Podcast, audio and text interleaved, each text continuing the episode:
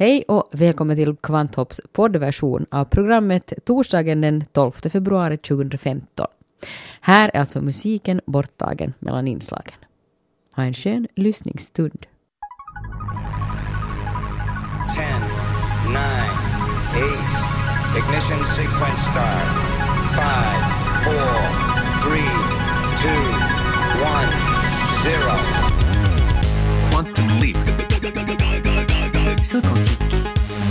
Salto quântico. Salto quântico. Salto quântico. Salto quantico. Salto quantico. Salto quantico. Kvantum, det du inte visste att du ville veta. Hej och hjärtligt välkommen med i Kvanthopp. Idag med mig Ulrika Fagerström.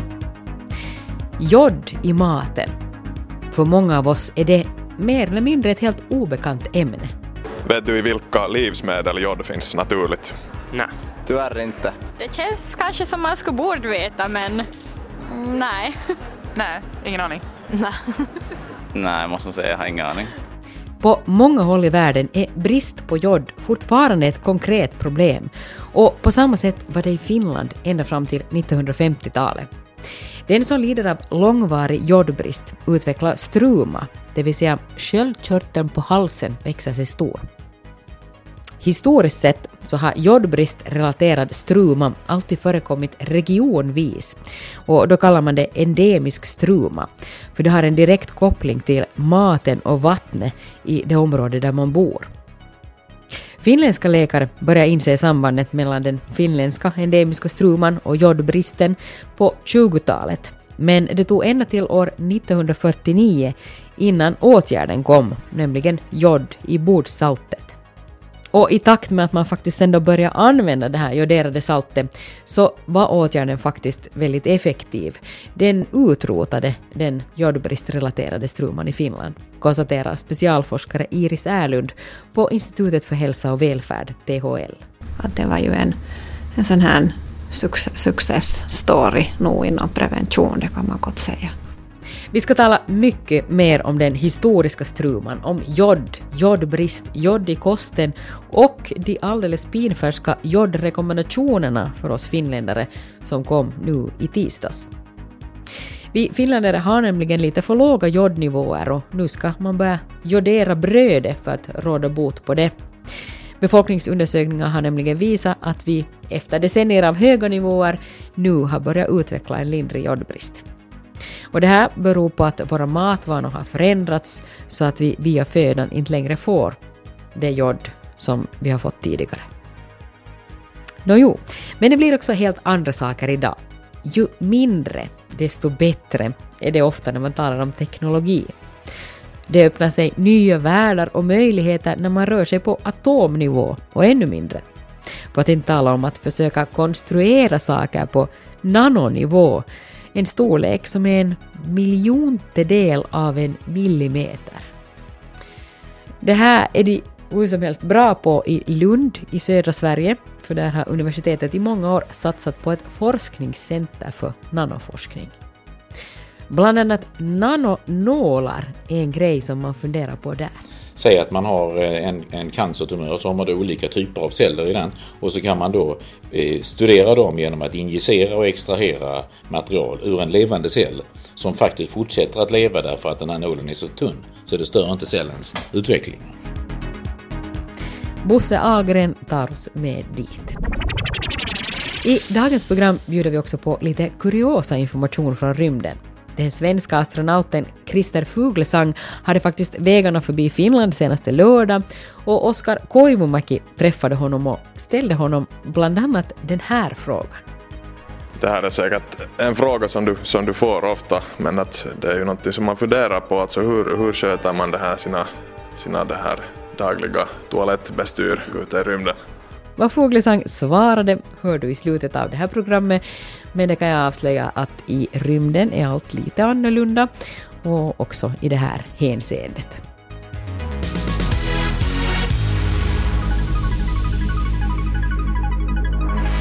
Nu blir det dags för veckans notiser.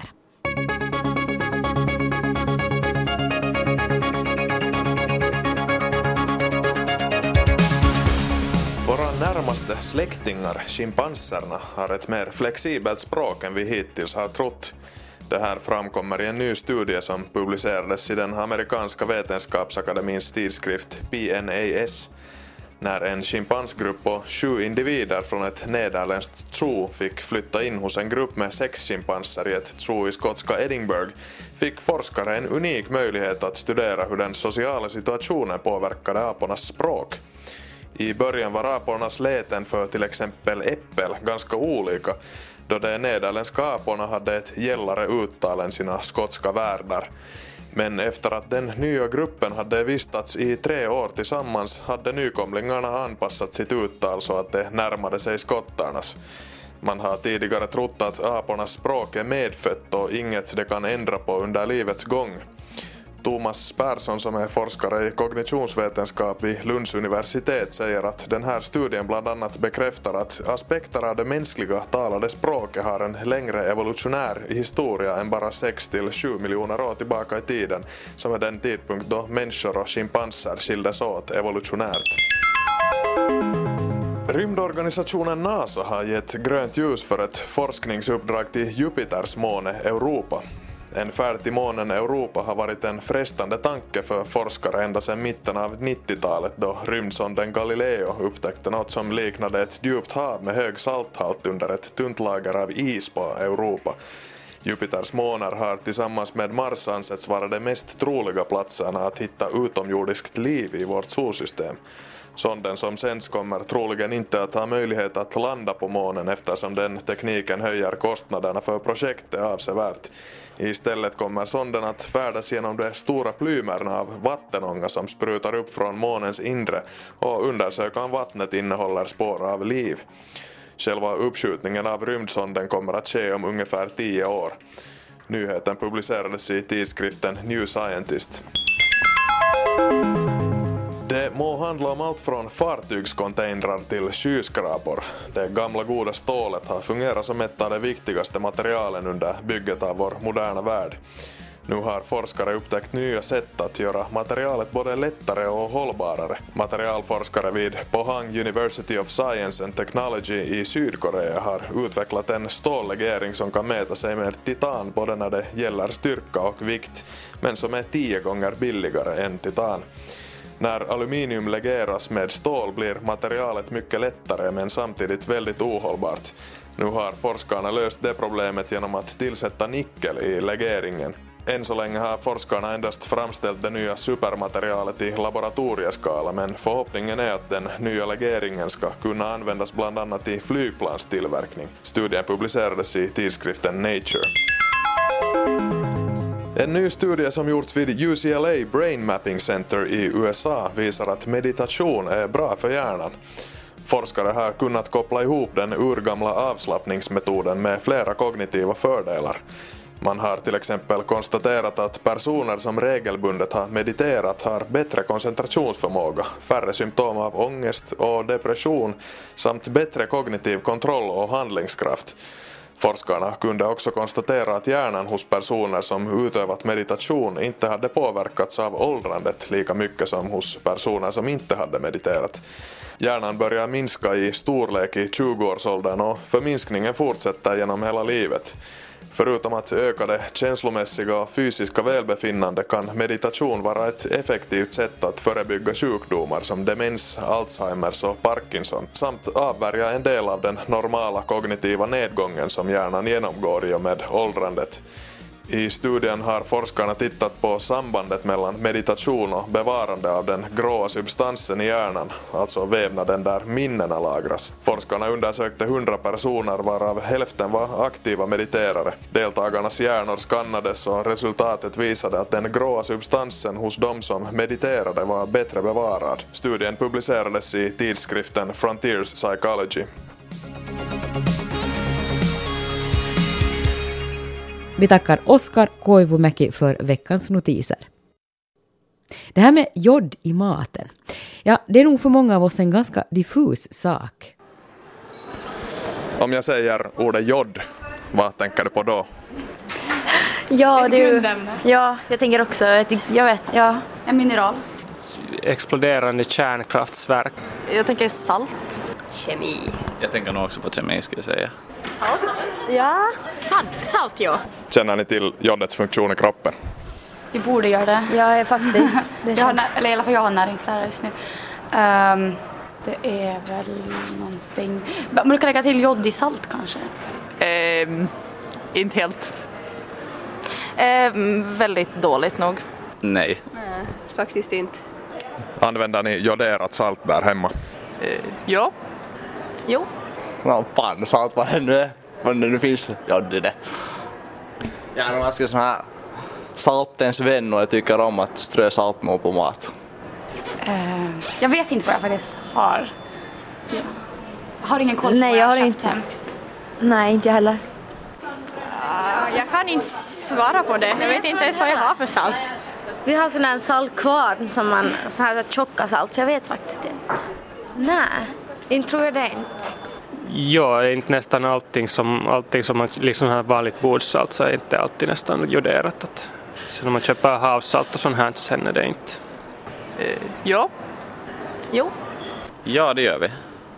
Jag vet faktiskt inte.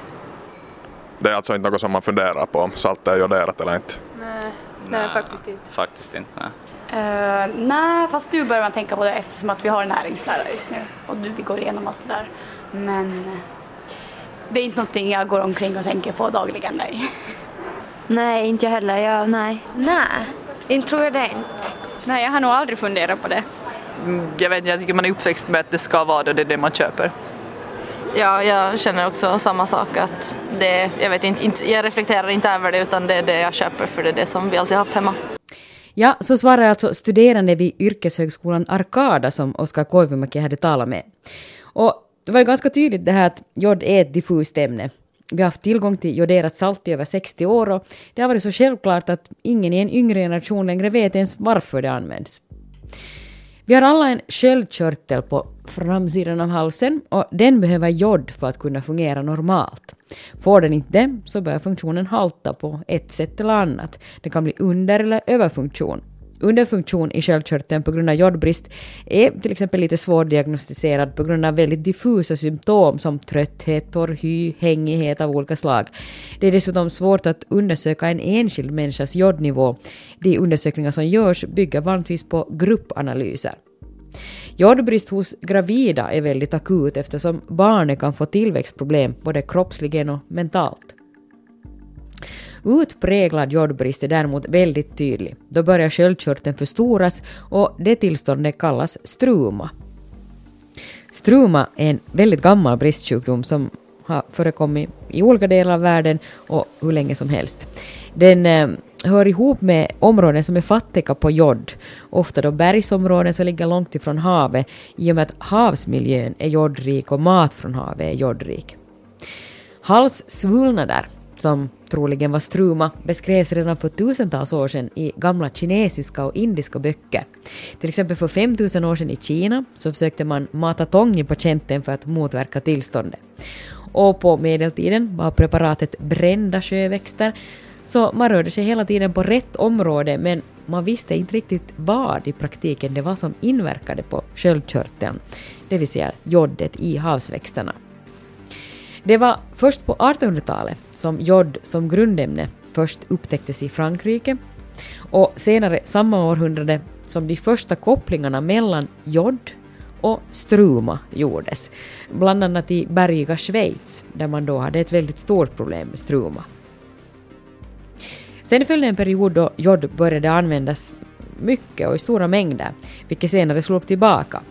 För även om en del botades så började sen andra må dåligt eftersom man just inte hade någon uppfattning om doseringen och man efteråt sett använde alldeles för stora doser. Att införa jod i bordssaltet förekom som idé redan på 1800-talet, men det var på 1920-talet det började lyftas fram och också genomfördes på olika håll. I USA gjordes olika experiment redan i slutet av 1910-talet och på 20-talet införde olika stater det. I Europa var Österrike och Nederländerna bland de första att göra likadant och Sverige följde efter på 30-talet och Finland 1949. I Finland hade läkare lyft fram frågan redan på 20-talet men bland annat på grund av kriget sköts saken fram. En stor boom av jodprofylax, som det heter när man ger jod i förebyggande syfte, världen över följde på 50 och 60-talen.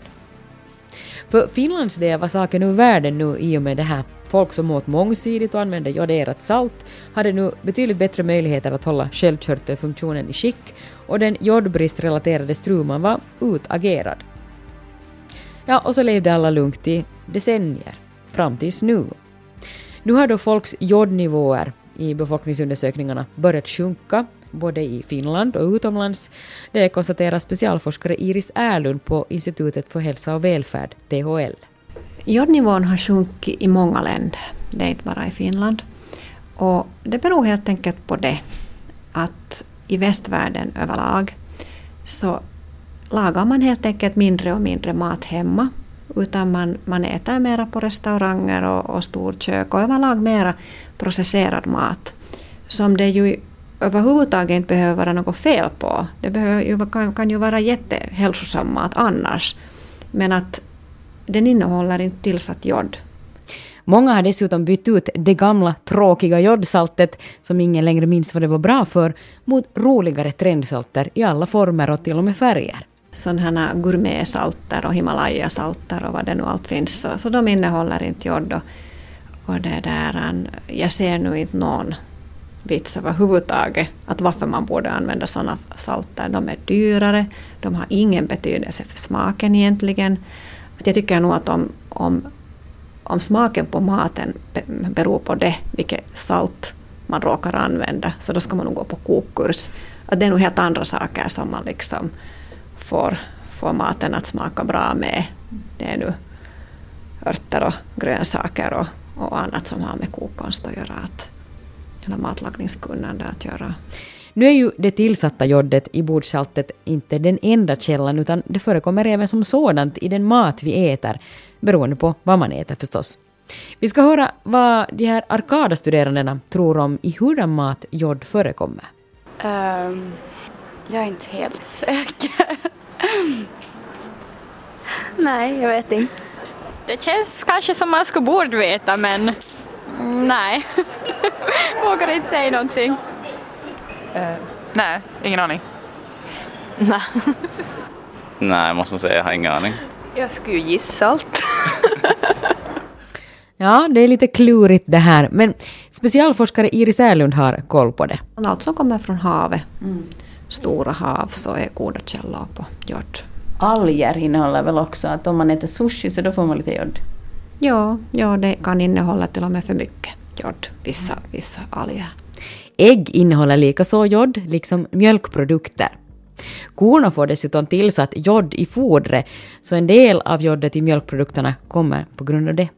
Att vill man vara säker på att man får tillräckligt med jod från kosten så då är det säkrast att äta enligt kostrekommendationerna. Att äter man enligt de här finska och nordiska kostrekommendationerna så har man nog inte något större problem med jod. För att uh, man rekommenderar ju att man, man uh, använder 50-60 deciliter av mjölkprodukter per dag och äter fisk ett par gånger i veckan. Och då får man ju redan hälften, över hälften av, det här, av den här jodrekommendationen liksom täckt. Så, så det där, bara genom att äta enligt kostrekommendationerna så, så, det där, ähm, så slipper man ju det här problemet helt och hållet. Men många gör inte det och det är därför som en arbetsgrupp med Iris Erlund som en av medlemmarna vid statens näringsdelegation i ett års tid suttit och funderat på om finländarna nu trots allt ändå borde få tilläggsjod på grund av de sjunkande nivåer som det senaste decenniet har uppmätts i olika befolkningsundersökningar. Och nu i tisdags då offentliggjordes deras rekommendation. Ja, det borde tillsättas jod i all livsmedelsproduktion som det bara fungerar praktiskt för och speciellt i det bröd som finländarna äter eftersom det är ett livsmedel som de flesta kommer i kontakt med.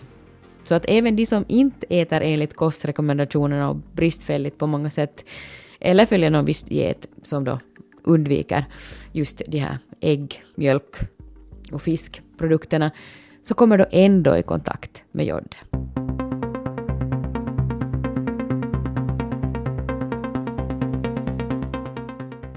Vi pratar om jod och just nu om de nya jodrekommendationerna som i tisdags kom från eh, Statens näringsdelegation. Och det nya med jodrekommendationerna här berör livsmedelsindustrin. Nu vill näringsexperterna att livsmedelsindustrin byter ut icke-joderat salt till joderat på alla ställen det bara går. Så här berättade Iris Erlund då jag ringde upp henne i tisdags. Det som nu gäller att, eh, eller den här själva rekommendationen är nu den att livsmedelsindustrin börjar använda joderat salt som innehåller 25 mikrogram jod per kilo salt, vilket ju då är samma koncentration som man nu har i, i vanligt bordsalt.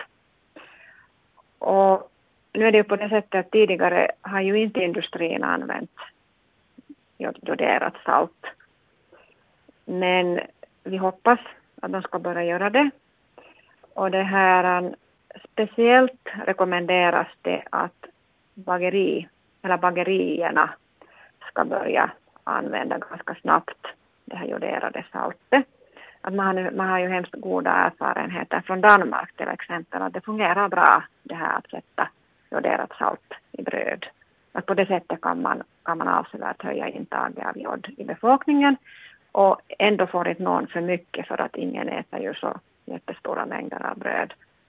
Och den där fördelen med att sätta jod i bröd är det att egentligen alla andra källor av jod är av animaliskt ursprung.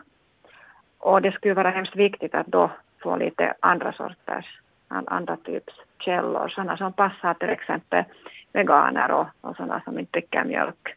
Dessutom så säger man ju ändå att storkökarna bör använda joderat salt och en sån rekommendation gjorde vi ju faktiskt redan då i augusti förra året.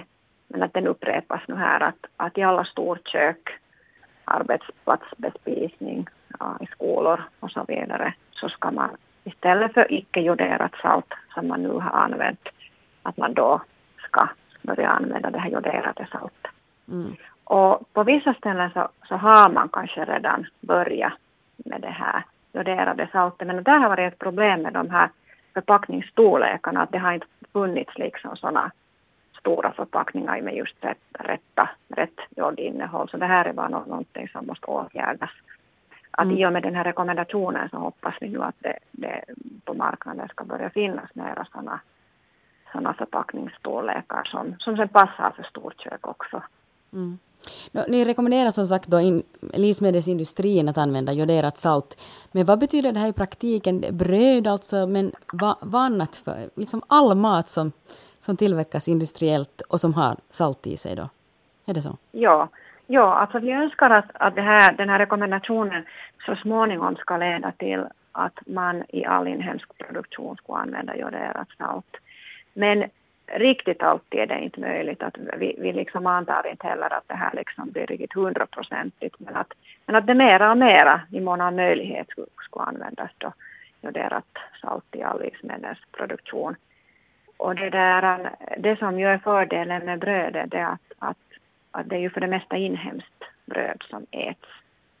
Så därför skulle det ju vara ett ganska bra sätt att få upp det här jodintaget, att tillsätta det i bröd. Mm. Men så både både bröd och köttprodukter och allt egentligen, där det finns salt. Ja, alltså färdig mat och sånt här, dit skulle man ju kunna tänka sig, men, men att det där mm, det är nog upp till industrin att, att, att fundera på det, att när det är möjligt att, att börja använda det jodiserade saltet eller joderade saltet. Mm. Och, och, när det då inte är att en del av, av de här komponenterna som används i mat kommer ju från andra länder och så här. Och till dem så, så kan det ju då inte finnas och vissa exporterar man och då kan det ju vara på frågan om att kan man då tillsätta till dem men att man, man liksom överlag skulle sträva till det att man använder mera joderat salt i livsmedelsproduktionen.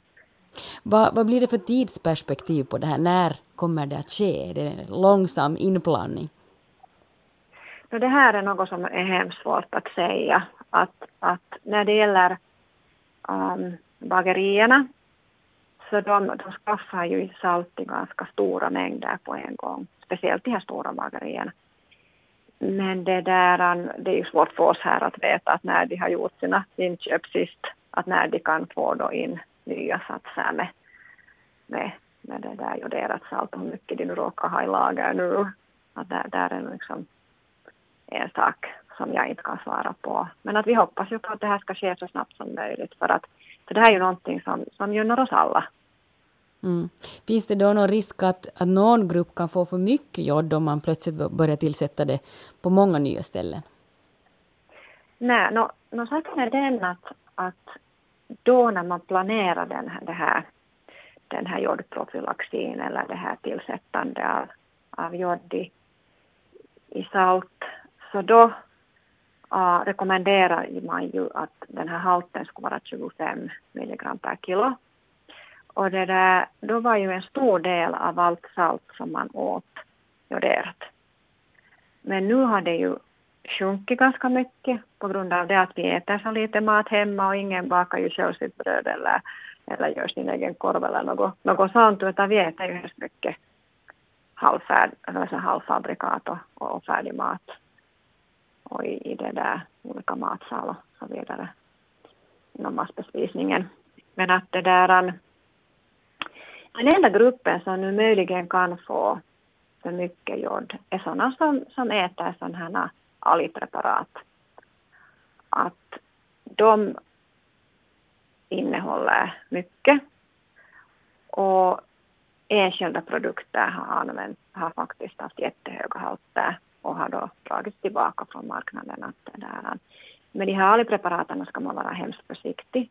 Man ska vara väldigt noga med att följa anvisningarna som, som står på de här paketerna. Att om man då vill använda algpreparat. Men så genom den här jodiseringen, eller joderingen av livsmedelsindustrin så, så det kan ingen få ja. för mycket av då? Nej, nej, man kan absolut inte få mycket där för att, för att nu är det ju på det sättet att vi strävar ju endast till att komma tillbaka till den där lämpliga nivån som vi hade då på, på 70-80-talet. Att, att vi har ju haft det här i tiotals år, hemskt goda nivåer. Att det är ganska nytt att det har börjat sjunka på det här viset och det beror ju helt enkelt på de här förändrade kostvanorna, att man, att man inte längre lagar den där maten hemma. Så sa alltså Iris Erlund, medlem i den arbetsgrupp i Statens näringsdelegation som funderat ut de nya jodrekommendationerna. Hur övergången kommer att påverka oss finländare, vilka nivåer vi uppnår efter åtgärden, det kommer att tittas noggrannare på i nya studier, bland annat Finriski 2017. Ju mindre, desto bättre är det ofta när man talar om teknologi. Det öppnar sig nya världar och möjligheter när man rör sig på atomnivå, för att inte tala om att försöka konstruera saker på nanonivå, en storlek som är en miljontedel av en millimeter. Det här är man i alla fall bra på i södra Sverige, i Lund. Där har universitetet i många år satsat på ett forskningscenter för nanoforskning. Bosse Agren tar oss dit alldeles strax.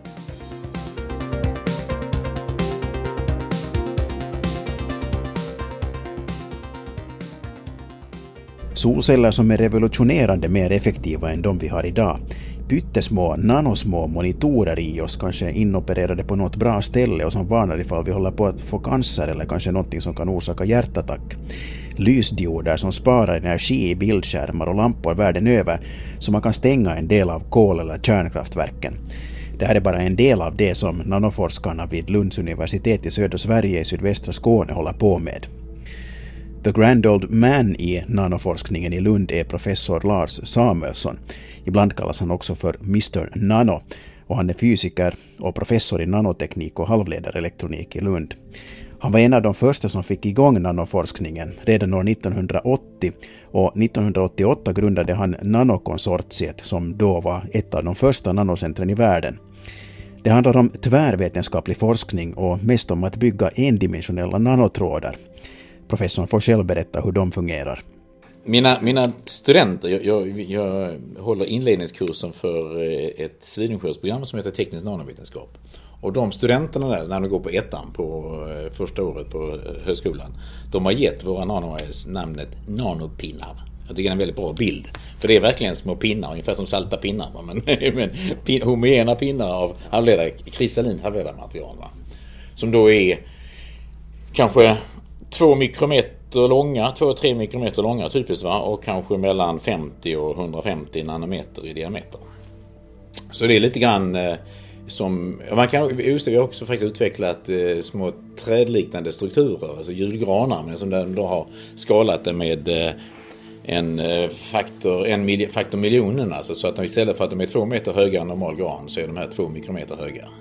Hur smått är det här då egentligen? När vi talar om en mikrometer så är det en miljondels meter och när vi talar om en nanometer så är det en miljarddels meter. Med andra ord en miljondels millimeter. Så om en nanopinne som byggts i labbet i Lund är 50 nanometer i diameter så är det ingenting man ser utan ett avancerat mikroskop. Och inte det är lätt att tillverka nanopinnar eller nanotrådar heller. Trådarna växer fram atom för atom på guldpartiklar som svävar i gas. När jag började här då för, för 15 år sedan så var min huvudsakliga drivkraft att få ideala endimensionella fysiksystem för, eh, för, för kvantfysik, alltså både för transportfysik och optisk fysik. Och så visade det sig ganska snart att det här var dels någonting som kunde gå att processera, vi talade ibland om guided self-assembly, så man kan göra perfekta arrayer eller matriser av, av nanotrådar för de här olika tillämpningarna. Så idag är det faktiskt så att eh, på fysiken fortfarande så är det nanotrådarna som ger möjligheterna. Vi kan till exempel då i en sån här pinne så kan vi då stoppa in olika materialsammansättningar så att det blir, vi talar ibland om att man kan göra en hinderbana för elektroner så de får liksom springa i endimensionell bana och så ta sig över hinder ungefär som häcklöpning. Och det är faktiskt inte helt olikt men för de här är då på skalan av en, en, en elektron. En elektron är typiskt 4-5 nanometer i sin storlek in i, en, i en halv, ett halvledarmaterial och så ser man att den hoppar över hindren i, i den här strukturen. Eh, Likaså så kan vi göra ideala små ljuskällor, som man säger, quantum dots, kvantprickar, quantum dots, eh, där man till exempel kan styra att eh, man kan skicka iväg precis en foton åt gången när man säger till om det. Och en fördel med det är att man kan då göra optisk kommunikation som bygger på single photon transmission. Och gör man det så kan man på ett säkert sätt, visade det sig, med något som heter kvantkryptografi förhindra avlyssning, alltså få absolut säker informationsöverföring. Och det är ju viktigt för banker naturligtvis, även om kanske jag misstänker att tekniken tas nog ännu mer fram av militären själva. Men att verkligen kunna ha sä säker informationsöverföring. Men eh, även eh, våra medicinare. Vi har nu en stor satsning på att eh, använda våra nanotrådar som eh, vi kan göra dem ska vi se om jag kan säga det på ett enkelt sätt. Vi kan göra det med något som heter core shell, alltså en kärna och sedan kan vi använda den för att radiellt göra ett, ett skal utanpå. Om du tänker dig en sån cylindrisk kärnskalstruktur och där du sedan etsar ut kärnan, då har du plötsligt en nål, en nanonål syringe. Som, som då har en yttre diameter på kanske 150-200 nanometer. Och de har vi nu utvecklat teknik för att koppla till mikrofluidiska system i halvledarbrickan. Och då kan vi använda det för att penetrera en enskilda celler.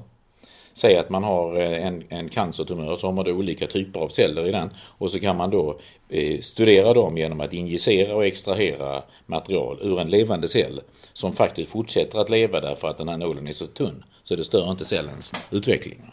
Så det är en sån där riktigt stor vision för framtiden att kunna använda nanowire-baserade analyssystem och eh, även störsystem för att kunna påverka och monitorera hur enskilda celler fungerar.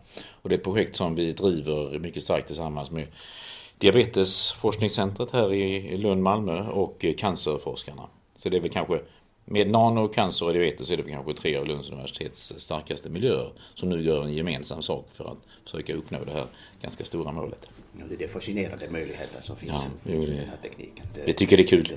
Till de mest konkreta resultaten av nanoforskningen i Lund hör utvecklingen av nanotrådar som fungerar som lysdioder. Och då talar vi i princip om LED, ljusemitterande diod.